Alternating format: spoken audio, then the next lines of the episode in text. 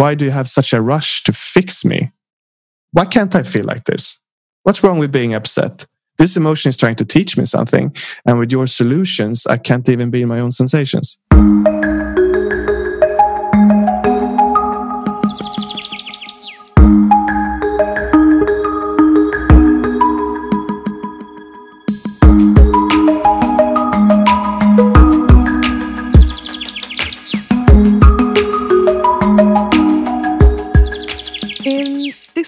Episode, I am connecting with Emil Ekwart for a conversation about emotional intelligence, communication, and living a happy life. Emil made $1 million before the age of 25 playing poker. It all started with a $30 gift from his mom, and everything that he owns today comes from these $30. This is a story about a 16 year old who mastered the skill of poker and achieved massive success at an early age. Unfortunately, the success ended up with depression and repressed emotions. How does one start to feel again? How does one see the beauty in life again? Today, Emil is teaching men how to live a rich life, and I love that bold statement. What is the richness that men needs? Emil is teaching men how to tune in to their productivity, making money, but also developing a meaningful connection to their inner world and well being. It is all about the inner and the outer wealth. Today, we will take you through a conversation about why nourishing your emotional and inner world will deeply impact your results in business how to develop emotional intelligence and how to become a better listener and meeting people where they are. Aren't you curious what Emil's number one lesson for men would be? My name is Madeleine Mofjärd, and this is the Mofjärd Talks podcast. I am here with the intention to empower you to be more of you. Let's welcome Emil Ekwart for a chat. Hi and welcome, Emil Ekwart, to the Mofjärd Talks podcast. Thank you very much. It's a pleasure to be here. Mm, it's a pleasure to have you here. How how are you feeling today? Today I feel rested, quite calm, in a quite neutral slash stable emotional state, and I'm excited to talk with you. Yes, that's lovely. That's great. And I'm I'm I'm I like what you said about stable. That's an interesting way to describe your state. How would you define to like be in a stable state of mind? For me, stable and happiness is quite closely tied together. I would say happiness is having no desire to change my state. And that is what I feel right now. No strong emotions and um, feel content with where I am. Mm. Interesting. I'm thinking about that a lot about that uh, in in these days. Actually, like the balance between wanting to change the state whenever we like face discomfort or feelings yeah feelings of discomfort but also like accepting and allowing the emotions to be there so but but i'm curious to like dig deep into these questions with you and uh, the ways that you handle your your emotions and everything that you experience in your life. Beautiful. so we have an exciting hour. I just went from stable to excited. Yes, I love it. that wasn't my plan, but I, I guess that was a jackpot. It worked. mm. So, Emil, I am so curious to hear about your journey. And something that I'm wondering is like, when you look back at your life and everything that you have experienced and achieved and felt and done, what would you say that you are most proud of? Ooh, I very much enjoyed that question because I think asking yourself what you're proud of is a very important habit. Because I think a big illusion is that once we accomplish something great in the outer world, then we will feel proud of ourselves. In my experience, we do great things every day but we don't take the time to recognize it. And then the mind creates a state where we are looking for recognition from other people. And the result is that we start chasing status instead of what is true for us. So I enjoy the question and I ask myself that every day together with my girlfriend before I go to bed. And it's one of my habits that I enjoy the most. And it really helps to be too. But to go back to your question, what I am the most proud of. And for me, that is that I have been uh, sober now for three and a half years from all from alcohol, from drugs, from cigarette, from yeah anything that will alter my emotions. And um, the reason for that is when I was in my twenties, I I was always chasing to feel better, chasing happiness. But what I was really chasing is pleasure and stimulants. And challenge with that is that it both it doesn't end. You can always feel better, and it doesn't last. It would always go away. And like I said in the beginning, happiness for me now is more about not having a desire to change your state. That is happiness, and it's such a shortcut to, at least in my case, appreciate my life. So I have felt my overall appreciation for life and my well-being have gone up so much just from managing uh, to be sober. And now it feel, feels easy uh, but it has been hard. So i'm really starting to yeah i'm staying away from activities that are creating unnatural levels of dopamine and desire. So porn is another example that i stay away from. Um, i try to not have too many fantasies of um, how good my life could be or having a more a, bigger house a bigger apartment. Because all those every time we have a desire the buddhist says that desire creates suffering. Uh, what they mean by that to me is that once we want something a suffering is created for us to get it. And it's a way for our ego to keep us alive. So for me, it's very powerful to have very strong desires, but only in one direction, which for me now is my passion. Mm. Interesting. There are so many points that we are going into with that answer. I love that. Um, and you're making me reflect on on the balance between because often talk oftentimes when we talk about like achieving things and following our dreams and living our passion we talk about the power of like having goals and desiring things and and visualization exercises that we do so would you like to go deeper in into that like do you you said that you're desiring but in, in just like one part in one right. direction. Right. Would you like to go deeper into how you do that and how that look looks in your life? Yeah, suffering is useful. It's not meant to give us pain. It's meant to get us moving. But if we create desire in too many direction, we create suffering in too many direction, and our ego feels like we need to go in all these places in order to feel safe and survive and experience pleasure. And to me, I only want to have, I call them desire loops. And I only want to have open desire loops if it's eight out of 10 important for me. Mm. So, what is a desire loop for you? So, an example would be so I'm in a relationship with a woman I love very much. And I have small desires that comes from maybe scrolling my Instagram feed or watching pornography to see other women. But that desire might be a three or a four out of 10. So having that desire loop open and is creating suffering in that space and it's not benefiting me. So if I'm closing those thoughts off, I don't tread on thoughts that have those desires and I don't expose myself in my, in my environment, meaning I don't watch pornography, I don't follow pretty girls on Instagram, then I don't create the craving and the result mm. is more mm. well-being wow mm, i like that it's a beautiful thought to like actually yeah to like block some things out in order to not create more desire if if if that's not what you are desiring. I mean it's it's it's truly interesting.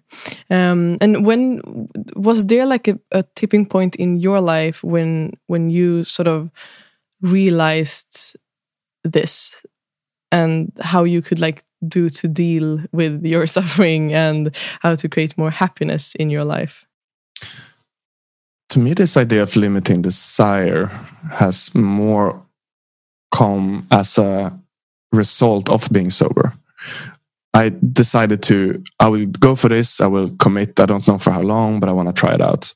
And I found that it improved my overall well being immensely. And these reflections have come afterwards. Ah, this is why I have less open desire loops because of this. Mm. Mm. Wow. And I want to get back to to these questions as well, but something that I want to want to ask you if we tune in like right now in your life Mhm.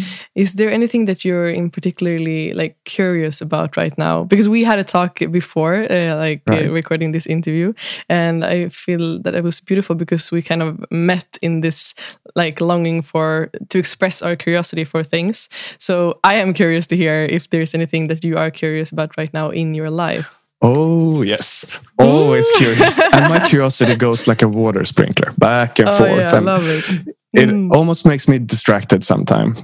But I think there is a power in following that natural curiosity. And it doesn't matter to me so much exactly what it is I'm curious about. I know that if I follow the curiosity over time, then I will align with my natural interests and become very skilled at what is unique to me. But my biggest curio- curiosity right now, and in general, I would say, is learning. I'm very passionate about how to learn as efficiently as possible. So right now I'm uh, creating the outline for a book on learning. I have a very specific strategy on learning that I feel very passionate about, and I would love to share it to more people. yes please share with me today All right. so, what is the key what would you say is the biggest mistake you did in school when it comes to learning?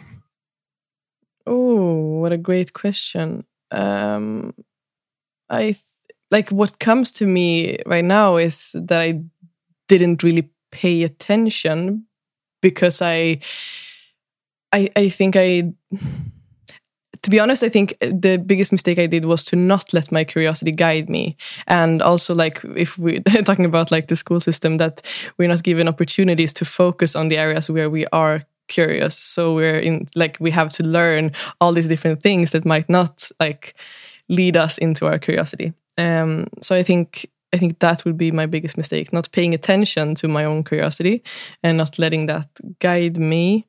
Um yeah and not appreci- appreciating the knowledge i think now in my life i appreciate every single like piece of knowledge that i get and i'm curious to see how that can like affect my life but i didn't pay attention to that by then Beautiful.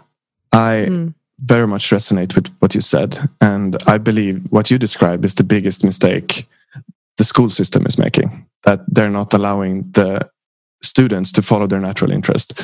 And that is no one's fault. Like everyone is, of course, trying the best they can. And I couldn't structure a school. I have no idea how to do that. But maybe in the future, there could be everybody learns with an AI that adjusts the lessons exactly to the students' curiosity. But for now, that is, I'm have always been a very curious person. And that is what allowed me to be uh, successful in all of the jobs I've had. But school kind of killed that for the exact reason that you're describing, that I was forced to learn things that I didn't like. So I created a negative association to learning. So that would be for me the school's biggest mistake. But the biggest mistake that I did, and it's not wasn't really my fault either, and that is to forget things that I've learned. And this is a big mistake in school, in uh, life, and uh, in my work as well, is to forget. And so, how much do you remember from what you learned in school? basically nothing Yeah, i would say Five, ten percent, and that's a shame Yeah. because a lot of the things uh, we learned is highly useful. Like I would love Yeah. to be able to remember history. Or my girlfriend is Brazilian; she's asking me about grammar rules. I have no idea. I don't remember. So, what if you remembered everything from school? That would be super cool, right? And to me, the reason we don't remember is that it went too much time in between. We learned it, did a test to make sure that we knew it, and that we used it again. And the bridge in between is to keep testing ourselves, to redo the test we did in school. And that is what my method of learning is all about. And uh, so everything I learn, if I read a book, I highlight everything I learn. I read in a Kindle Then I export the highlights to a PDF and then I write questions to myself. Uh, so let's say I read about history and I learned that this is an easy example. Let's say I learned that Christopher Columbus sailed to America 1492. Now, then I take that information and I write a question to myself. When did Christopher Columbus sail to America? And the answer is 1492. And then I put that into a software on my phone and on my computer that will test me at intervals moving forward. So first I get the test again in four days, then 10 days, then 30 days, then three months. And if I know it, it goes further into the future in my long term memory. If I don't, I repeat it again the next day. So I have an app in my phone where I put in everything that I learn. And I mean uh, words, uh, history, geography. I know 19 8% security, all the capitals and the countries in the world, all like basic knowledge in a knowledge skeleton, but also my life lessons. Um, like it, it's a huge mistake to be in a fight with your girlfriend, get an important life lesson, and then forget that until the next time yeah. you fight. Then you just keep fighting. So you're back again. you're back again because it went too long time. So everything mm. I learn goes into this software that drives it further and further and further into my long term memory. So I will never forget anything important that I learn. Mm. Actually, because I was uh, I was making an interview with your dear friend and the colleague and co-worker, co-host, uh, whatever you would like to call it, uh, Eric Bergman in the last episode of the show, and he were he was mentioning um, uh, an app. Is it the same app? It's the same use? app, Anki. Ah, yeah.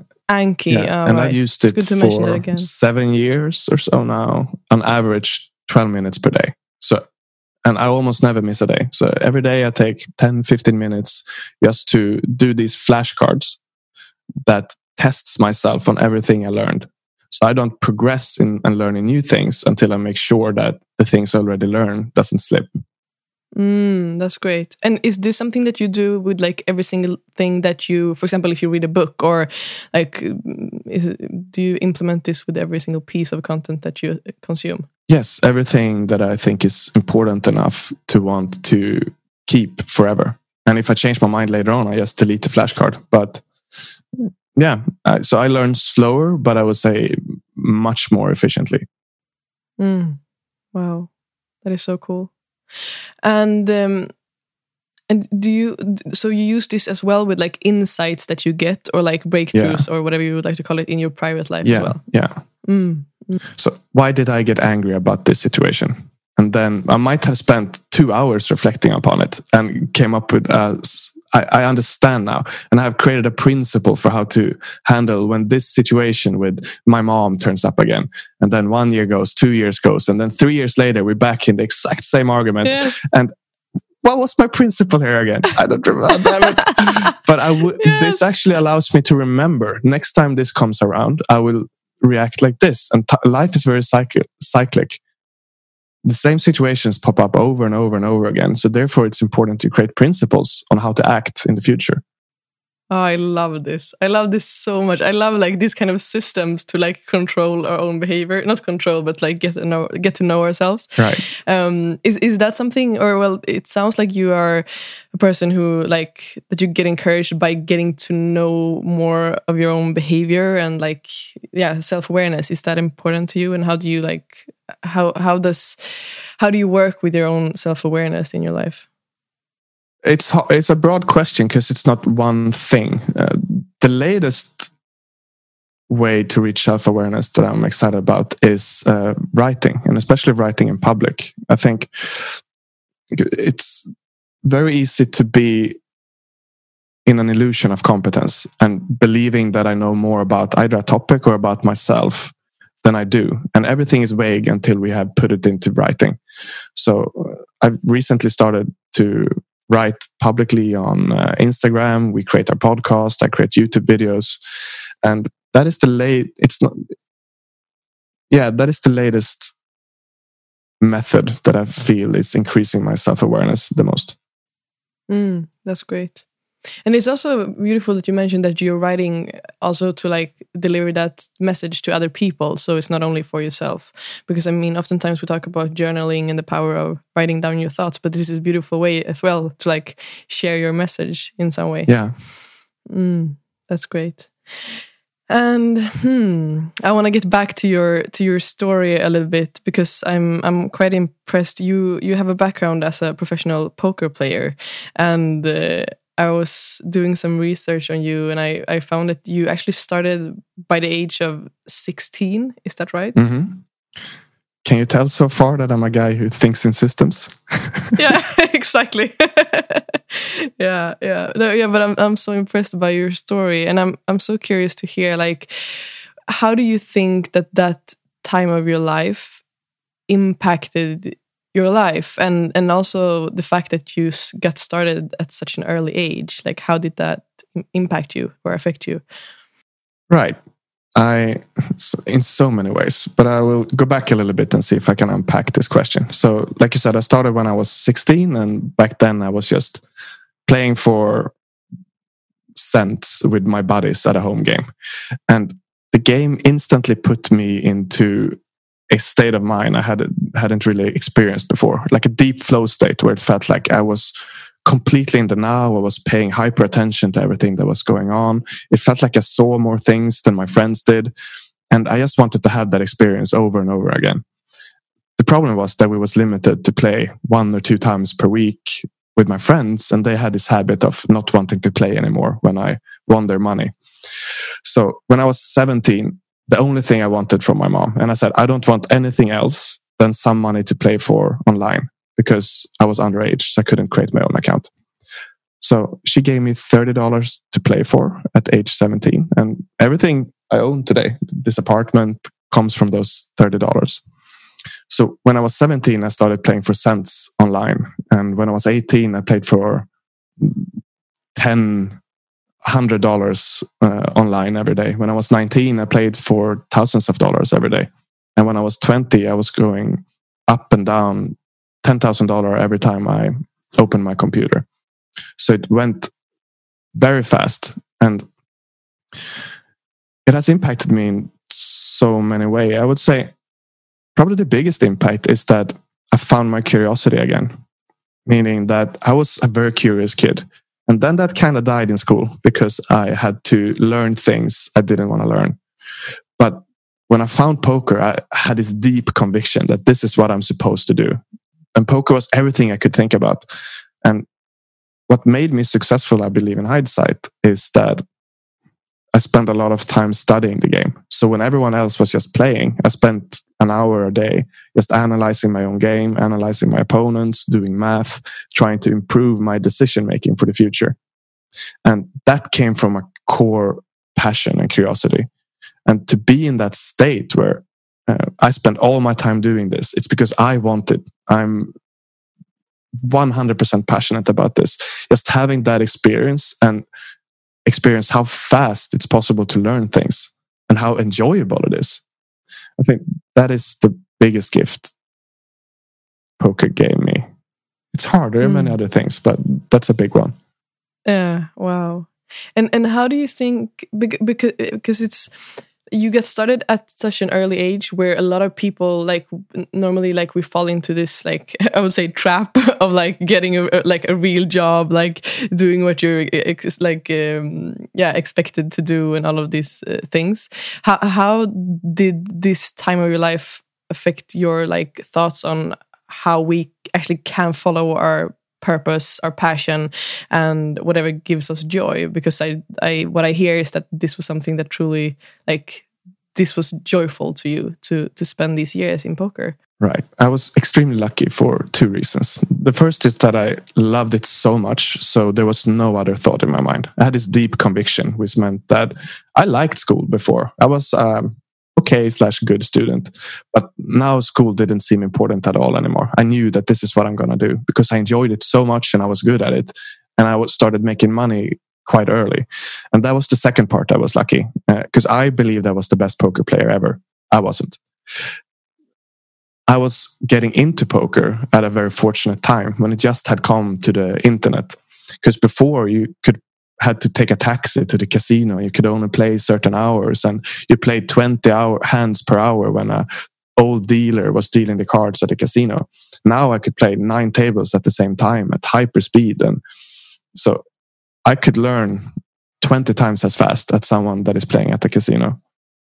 No one knew how to play either before poker came to the internet. So I just got into the beginning of a gold rush. Mm. Wow. So you were right on time. I was a little bit too late. If I would have been mm. three years younger, I would have been much better off economically. But I was still very fortunate. And what happened then? Like because you were playing for was it seven years or mm -hmm. yeah seven years? And and then what happened? What what made you transition into to this new time and also because i know that uh, what happened was that you kind of transitioned into work to getting into the questions of personal growth and uh, exploring the spiritual world and your inner world. What happened and what made you transition? Right.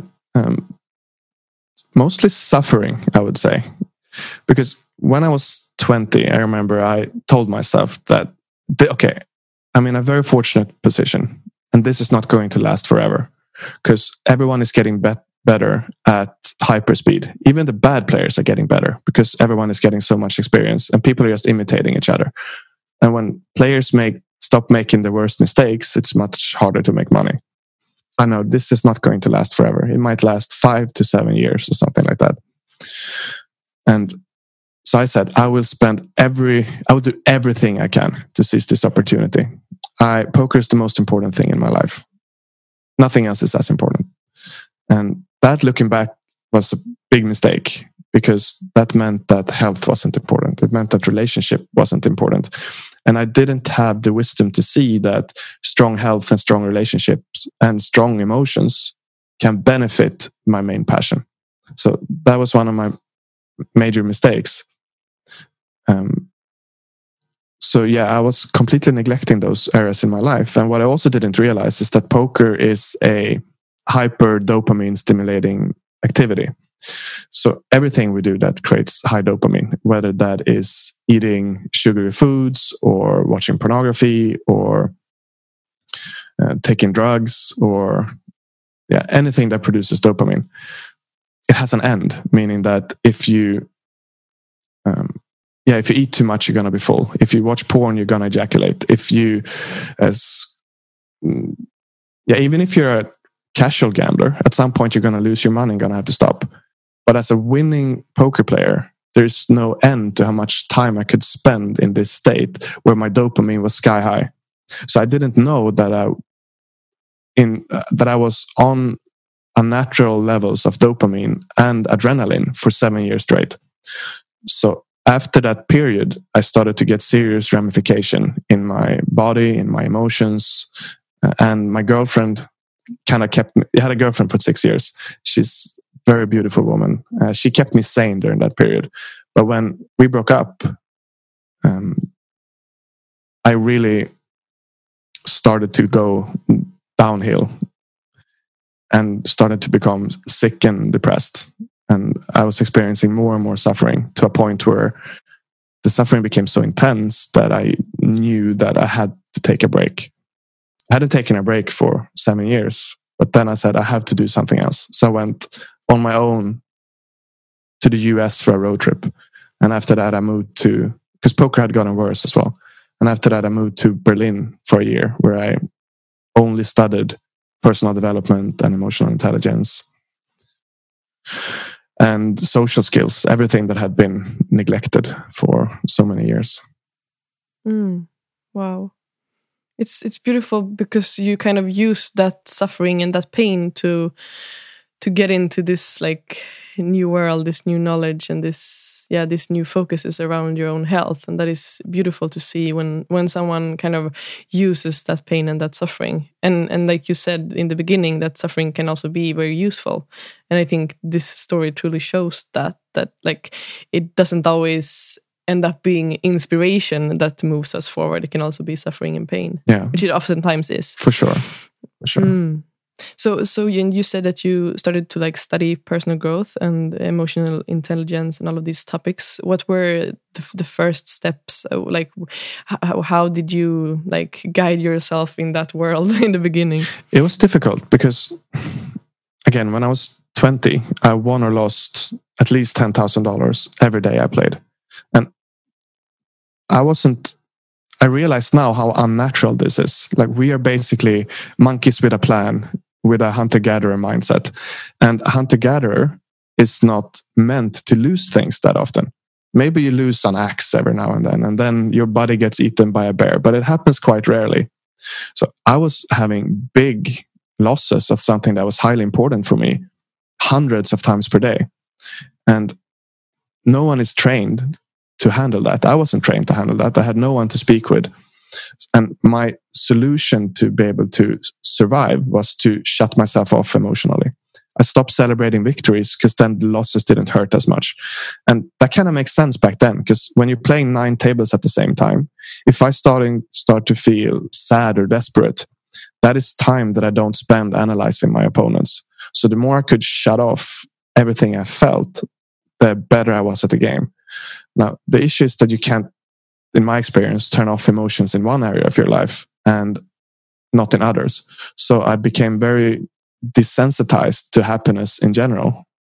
And I also became desensitized. And that's a bad thing because now I started to get depressed. And also became desensitized to suffering, which is also a very bad thing because then I don't have the emotional guiding system that is helping me to change. And this is why it went so much time. I didn't change until the suffering was really up in my face. And was, the world was so dark, so it felt like I was wearing sunglasses because I had desensitized myself to suffering. So the process for me was to start opening myself up to feel again. And that took a long time. Mm. And and how how did you do that? How did that did that journey go? How can how can someone start to feel again after that period of time of being shut down? I think a key in emotional intelligence is uh, emotional willingness, meaning that being willing to feel everything and also not judging one emotion as better or worse than another. I imagine it as I'm always hosting a tea party in my house, and every guest to this tea party is a different emotion. Now, Emil, 20 years, would have let happiness and joy into my tea party, but slammed the door in the face on anger and sadness and desperation. I didn't realize that all of those guests are crucial to have a well functioning tea party. So, the, a key to emotional intelligence is to let every guest in, realize that they have something important to say, serve them a cup of tea, sit down and listen, and be willing to be with them. In reality, meaning be willing to feel everything. Mm, wow, I love the way that you describe that. It makes so much sense. Yeah, because it's. I think it's so easy because we're kind of like taught that happiness is what we should go for. Like that is what we are supposed to feel. So that is right. the only thing that we want to feel. Right. but i also think like there wouldn't be no happiness if there were no pain. So i think that is beautiful a beautiful reminder to all of the listeners and to me myself. Um wow. And what do you what would you say like what is your definition of emotional intelligence? What does that mean to you? And yeah to me, it's similar to what I just said. It's a willingness to treat all emotions as equal and seeing them as having an important purpose. One of my favorite mantras is that everything is here to help me. And that includes all experiences I have in my internal world. So anger is not here for no reason at all. To me, anger is here to show me that I view a situation as completely unworkable, impossible to deal with. So anger is trying to save me by being desperate. And to me, it's an aspect of fear, but it's a useful aspect of fear. It's showing that I'm thinking of the situation in a way where I don't see any solution. And when I can find solution or either find solutions or come to terms with that the situation might actually be unchangeable, then there's no reason for anger to be there. But I can't get to that point if I'm not willing to listen to anger. And before I can listen to anger, I have to be willing to feel anger. Mm, yeah. Mm. And you were talking a little bit about fear. Um, and I feel like oftentimes when I hear people talk about fear, I hear that fear is something that we should try to avoid, but you also say that fear is something that can be usable. What is your take on fear and how do you like work with your own fears and yeah, what comes to you when you hear the word fear? Hmm. I f- feel like I need to reflect more on fear. I don't have a precise definition. So this is inspiring me to do some deeper thinking. Mm. The positive purpose for fear is to keep us safe. Right? So I think a mistake I make when it comes to dealing with fear is to because if the idea is that we have to bulldoze our fear, then we're also neglecting a part of ourselves. And if we feel fear about something, instead of ignoring the fear we feel, can we include the feel and say, what do you need? Do you need to feel more safe? What will you need to be able to go with us into this experience? Because we all have a thousand different personalities inside us. So if I look at a situation, I might feel 70% excitement and 30% fear. And I think it's a mistake to just ignore the fear and not caring about what needs the fear have and just go with excitement because we believe excitement is a more important emotion than fear. But then we're leaving a huge part of ourselves behind and we're getting into this habit of neglecting parts of ourselves. Mm. Yeah. That was a vague answer to your question, and I don't want to ramble because I don't feel precise enough in my definition. And I would like to write about this question. Mm, that's lovely. Yeah, but it's beautiful that you share also. I think that's vulnerable also to like whenever we get a question that we might not feel as like secure uh, in answering. That is beautiful to that you share that as well. Um, and I learned something from it. I mean, the perspective of like actually honoring our fears and not only bulldozing them down, like conquer the fears. I think it serves its purpose. Right. Um, and uh, something that I I've seen you write and talk about is that you are passionate about teaching men how to live a rich life. And I love that statement. I think it awakens my curiosity, even though I'm not a man myself. But I think it's it's a it's a bold statement, uh, and I love that. So, would you like to to tell me what it means for you to teach men how to live a rich life? I would love to. The sent- I enjoy the sentence because it encapsulates two areas where I care deeply. The first is to help men create a richer life in the sense of being more productive and being able to earn money from something that they really love doing. And I think that's a wonderful start. Making money early on have helped me immensely. And one of my mistakes back then is that I thought money is going to solve all of my problems. And then this sounds like a cliche because money will solve problems. It will solve all your money problems, but not all your problems. And the second part of that sentence is to create inner wealth. And that is to create a life where you feel happiness very often. Money helps you up to a certain point. And after that, to me, uh, happiness comes from not having too many open desire loops and doing mm. something meaningful that contributes to others. And that to me encapsulates a rich life. So I want to teach both of these areas. How can we be more productive and effective in the work mm. that we do, but also be very skillful at nourishing our emotional world and our relationships and our physical health. Mm. Yes. And I think that is so important also, like as a man, because I think, it, of course, now this is a perspective from a woman, but what I feel in the society is that men are so like supposed to be driven by all the outer results that we that we that we can see and touch like money and fame whatever it could be the the like the average kind of success well maybe not average but the the kind of success that we think about when we hear the word success. So i think it's so important to also like yeah to combine and balance these two worlds because i don't think that that that kind of success is something bad. I mean it's beautiful and it's wonderful and as you say it can solve a lot of problems for us. But if we forget the balance we are in a in a in a, in a diff- difficult place. Exactly. And i want to read specifically men because i i am a person today that feels proud that I have reached a certain level of emotional intelligence and skills in relationships. But deep down in my core, I'm actually a I'm not a very sociable guy. I am hmm. very much a project passion driven personality type that loves to do things and i'm always thinking about projects and my passions and i want to reach those kind of men out there because a huge mistake that i have done is that i thought but i don't like the word balance because i want to have all my focus in the productivity uh, jar but I want to teach men that if you learn emotions and relationship, that will actually benefit your productivity. So I want to reach the men like me that think that is the most important thing and help them to see that they both amplify each other. The relationships and the emotions and the health doesn't take away from productivity.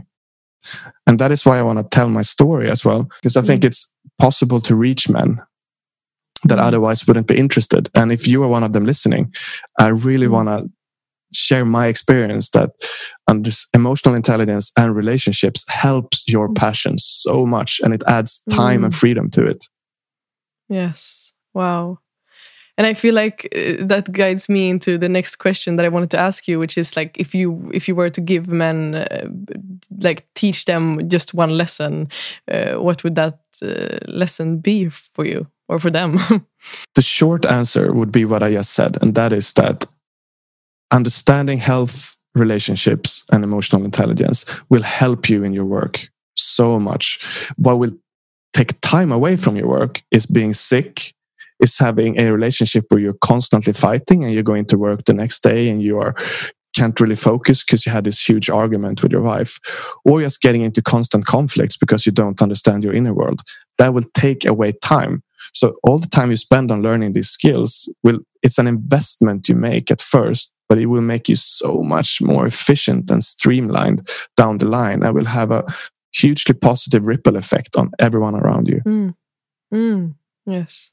I love that. And uh, coming back to to balance, I heard you, um, yeah, reacting to that. I mentioned balance. I'm so curious to hear like uh, more about your take on balance. Why don't you like uh, the word balance, like work life balance, the classic word?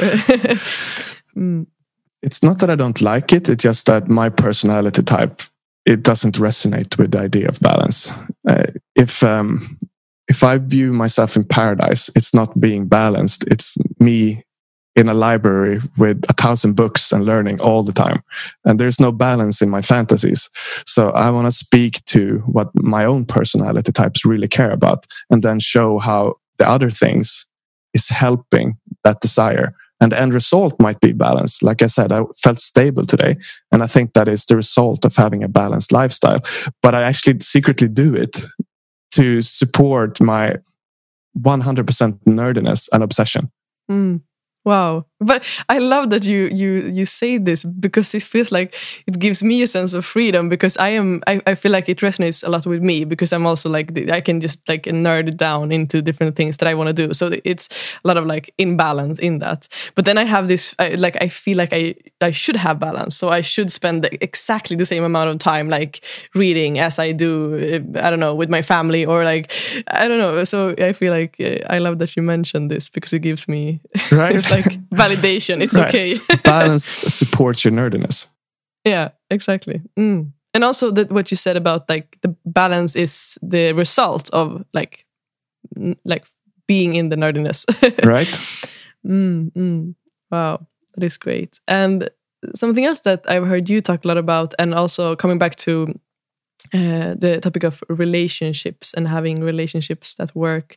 Um, uh, key to that is good communication, and I would love to hear, like, what is your your biggest takeaway on communication lately, and do you have any communication skills that you would like to share with the listeners? That's two questions in there. If I reformulate it this way, if there's any communication skill I would like to have learned myself when I was 20 and awful at communication, uh, it's um, number one would be listening for sure, because that is avoiding so many troubles and so much unnecessary suffering. Skill number two is speaking, but I would say listening is um, my top one. Mm. And and how how can we we become better listeners? Because I think that is truly like an issue for many people that we don't listen to really hear what the person is saying. We listen to kind of yeah to like to, to figure out what we're gonna say next. right, right, Mm. and that is a common mistake. I would say we're because listening is not only about hearing what someone is saying; it's about understanding their experience. And like you mentioned, what blocks us from understanding is like what you said uh, always instead of listening being in our own mind thinking of a response. And i did that so much uh, previously. And i understand now that i didn't do that because i actually cared about the other person. I did it as a way to um, give myself a sense of importance so my ego was deriving its self-worth from being knowledgeable so when someone was speaking i was always looking to tell a better story or to give advice or to um, um, yeah and all those patterns are blocking understanding Mm. Wow. And uh, yeah, it it makes me think about this like the the the, the ba- again balance between like not giving ad- advice when listening and like kind of holding space or just tuning into what the other person is saying. Uh, what are you your take on that? Like, should we really give advice to people or like? Yeah. what's think important for me that? is the timing meaning Mm. that the more someone is emotionally upset or have a strong emotional sensation the more we should hold back our own impulses if you are sad about something then even if i have a great idea or if i have a story that really relates to what you're saying we should hold back those impulses and just help you express why you are sad or upset by asking you questions now, we want to do this and hold back all of our own impulses until one of two things happens.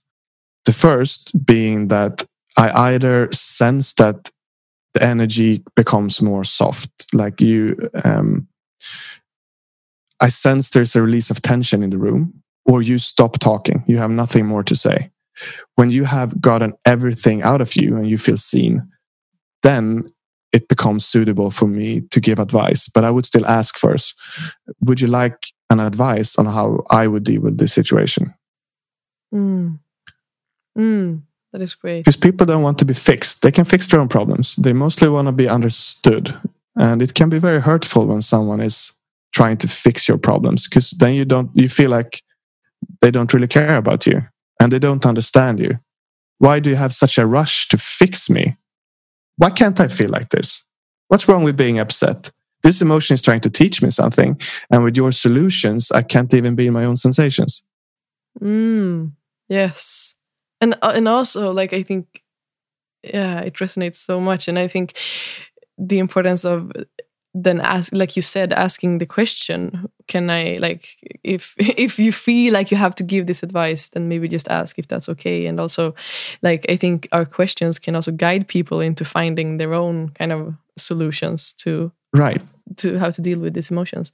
Right. And um, I, when I was in my twenties, I was so uncomfortable every time I was in a social situation where someone was upset because I never knew what to say, and I felt so stupid. I felt like, ah, this person is upset. If only this other guy I know that is good with emotional stuff was here, because I have no idea what to do here.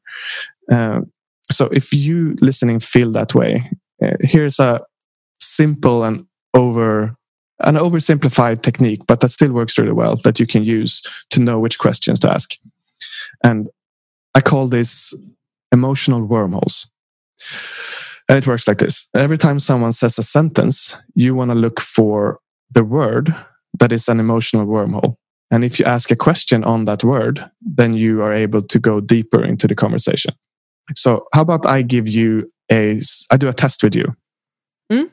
Go ahead. and uh, you can see if you can spot the wormhole in this uh, sentence. I was on a date last week with this girl that I really like, but I'm nervous that she won't want to see me again. Mm, you were mentioning that you're nervous. Uh, where does that come from? Beautiful. So that is the wormhole. I would also, Mm. I like nervous the most in the sentence. I would also have been okay with I really like. Why do you like her? Because those are the emotional charged words in that sentence, right? So if we keep asking questions on the emotional words, then we can go deeper. I'm nervous. I'm actually afraid that I won't meet someone ever. Why does that make you scared? Mm. Right. And then we can keep going deeper and deeper to the core of the issue. And this works beautiful in all relationships. And what I did when I was 20, that was that I didn't understand this. I was asking fact questions. Right. Oh, when did you see her? Uh, last week. Which restaurant did you go to? This restaurant. What did you eat? And you don't get anywhere.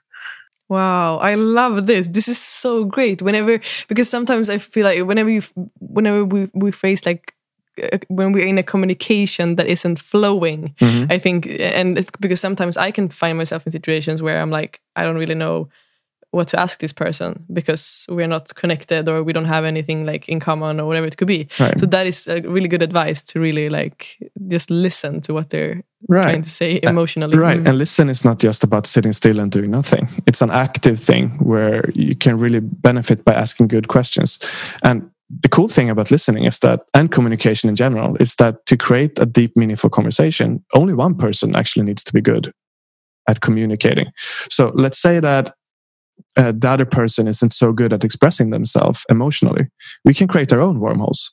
So let's say that instead of the last sentence, I said, uh, I was on a date last week, but I don't think she's going to call me again.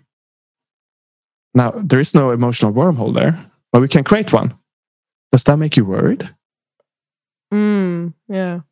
And then we just take a guess for how they could be feeling. And either we're right and then they feel very understood, or if we're wrong, they're saying they can change or correct us. They can say, No, I'm actually angry. Ah, does that make you angry? And now we're going down the wormhole anyway, even though there was no opening.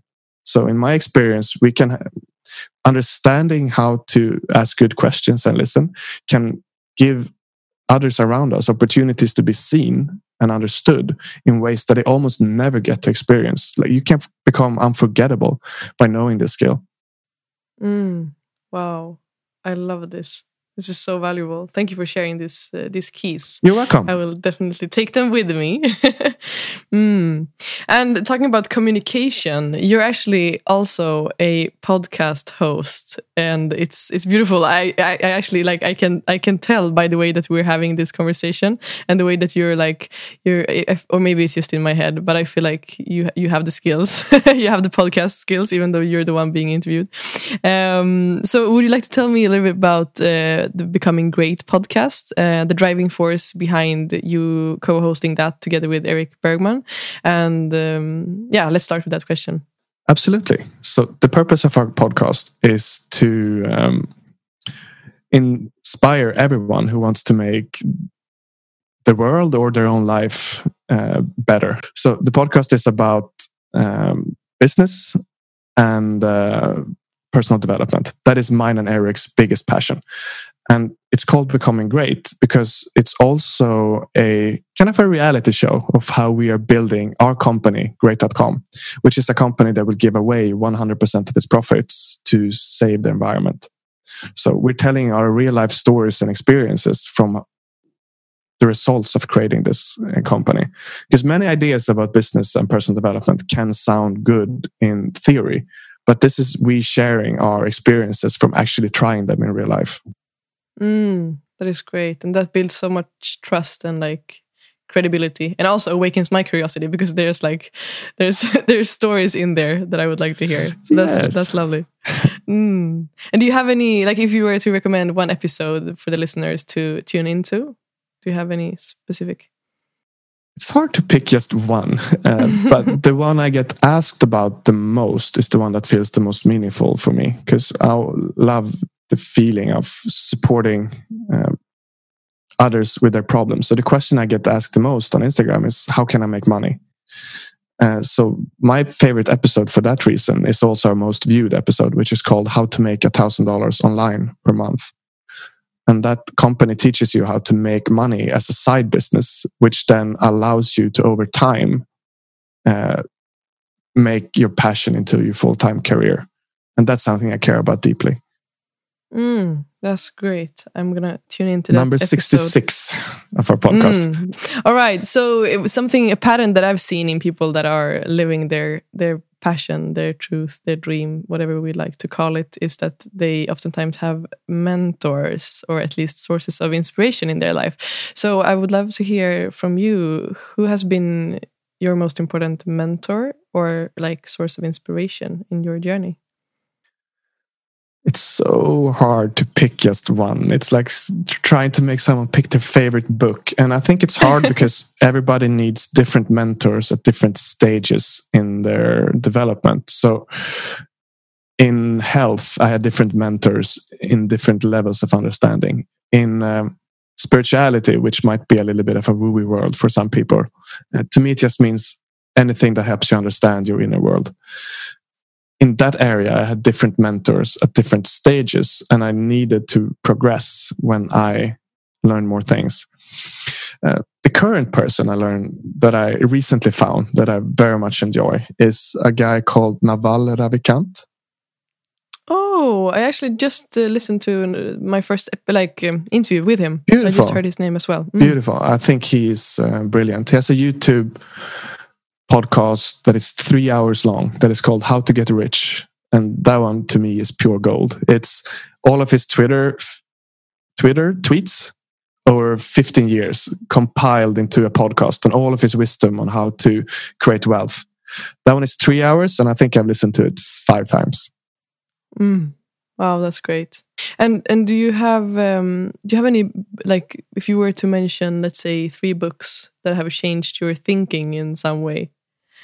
Right. Which would that be? I would say the first one that had a huge impact on me would be uh, The Power of Now with Eckhart Tolle. And that book is the first spiritual book I read. And what he's describing in The Power of Now is how the ego works. And I read that when I was maybe 24. And I saw my own madness. I could see that, wow, 95% of the thoughts that I'm thinking are not only unnecessary and repetitive, they are actually hurting myself. So I was able to take away so many thought patterns that was being counterproductive. And the space I was left with could be filled with thoughts that would start to improve my self awareness. So that book had a huge impact. You asked for three. Right. So the second one, which I would say I hold as my favorite book, is called Nonviolent Communication by Marshall. And this book is a more advanced about communication, but it's so so good. It's um, it's clearly the best book I ever read on communication. And the third one, um, I really like a short and sweet and well written book called uh, War of Art by Steven Pressfield. And that book is uh, short and it's one or two pages chapter about um, how to create art. And this guy is he's he shattered my illusion that an artist is someone that is um, drinking wine and occasionally having these real brilliant ideas like Californication style. Instead, yeah. he's showing that that could be true for 0.1% of the people that have enormous gifts. But for the rest of the creatives, creativity is actually a result of consistency and discipline and putting time in every day. He says that everyone has an inner muse, which is a Roman word that means spirit and that this spirit comes to all creative people when they sit down and do the work and they share their ideas. And to me that's a beautiful metaphor and i, I find that very much true. I and the habit i'm trying to implement right now is to write one hour per day. And when i sit down i almost never feel inspiration. But as soon as i get started just writing anything for one or two minutes the muse is starting to come and starts to whispering thing in my ears and so, therefore, creativity for me is a result of discipline. Wow. So now I start wow, to see myself as a creative person because I'm I wasn't the guy who could draw in school or anything like that, but I'm good at building systems and I'm good at being disciplined. So it's a lot of freedom in me to to shatter that illusion. That's beautiful, and it also brings me to the thought of like how creativity isn't only like painting or drawing or these things that we might think about when we hear the word creativity. It's also, like you say, creating systems or all these things that we can create. Yeah, for sure. Mm. Wow. Thank you for sharing. And also, yeah, I want to uh, come back to the non-violent communication, uh, the book that you mentioned, uh, because actually Erik um, also recommended the same book, and then afterwards he he sent me this link to uh, uh like two hour long video of uh, Marshall Rosenberg. Like right. it was a work, I think it was a workshop setting or some or like that. And I watched it and uh, like yeah, it's I must say that it's it, yeah, it's just mind blowing. Uh, it's like a game changer. Present, yeah, definitely. It's a game changer. Definitely. Mm, yes, yes, yes. All right. So where can the listeners get in contact with you, Emil, and uh, yeah, learn more from you, get in contact with you, and reach you? Ooh. Um, you can follow me on Instagram, emil.ekvart. You can uh, listen to our podcast, becominggreat.com. You can watch me on uh, my recently started YouTube channel that is called What's Missing. And I also offer one on one coaching for the one who wants to go deeper quicker. And yes. you can learn about my one on one coaching on what'smissing.com. Mm. That's great. Thank you for sharing. Right. And um, if and I, and I, I also, also share like I want to interact with people. So anyone who has any mm. questions on this podcast, anyone who wants to learn from it, don't hesitate to send me a message on Instagram. Mm. I really want to help people, so I will respond and mm. I hmm. will do my best to give you what I can. Yes, that's great. I will attach your like the links to your profile and stuff in the description so they can find you there easily. Beautiful. Um, and and Emil, if if you were to reach the whole world for just thirty seconds, what would your message be for the world? It depends on what you mean with reach, because I actually don't think I would want to say anything. I would rather ask questions, and I love the first question that you asked. What are you proud of? What makes you important? What makes you unique? What is beautiful about you? Why do you deserve to be loved? Because I think I think it's such a common pattern to never tell ourselves why we are, should be proud and what we do right. And the result is that we're always going to wait for other people to give us the validation that we can only give ourselves. And the result is that we keep chasing status, and status is not going to give us lasting happiness. Mm. Yeah. That's beautiful. So, a set of questions. That's a great message. Thank you so much, Emil, for coming on the show. It's been a privilege to talk to you this hour. I feel, yeah, I feel like I have so many new insights and inspiration and great energy. So, Thank you so much for being with me during this hour. Thank you. I feel very seen and appreciated. I love the way you are taking in the answers to my questions. You're repeating what I'm saying and you're making me feel mm. validated. So I'm Thank you. very impressed by your hosting skills and I learned a lot from just watching you. Thank you. Thank you. Thank you for letting me be here. Mm, that means a lot. Thank you. Bye bye. bye bye.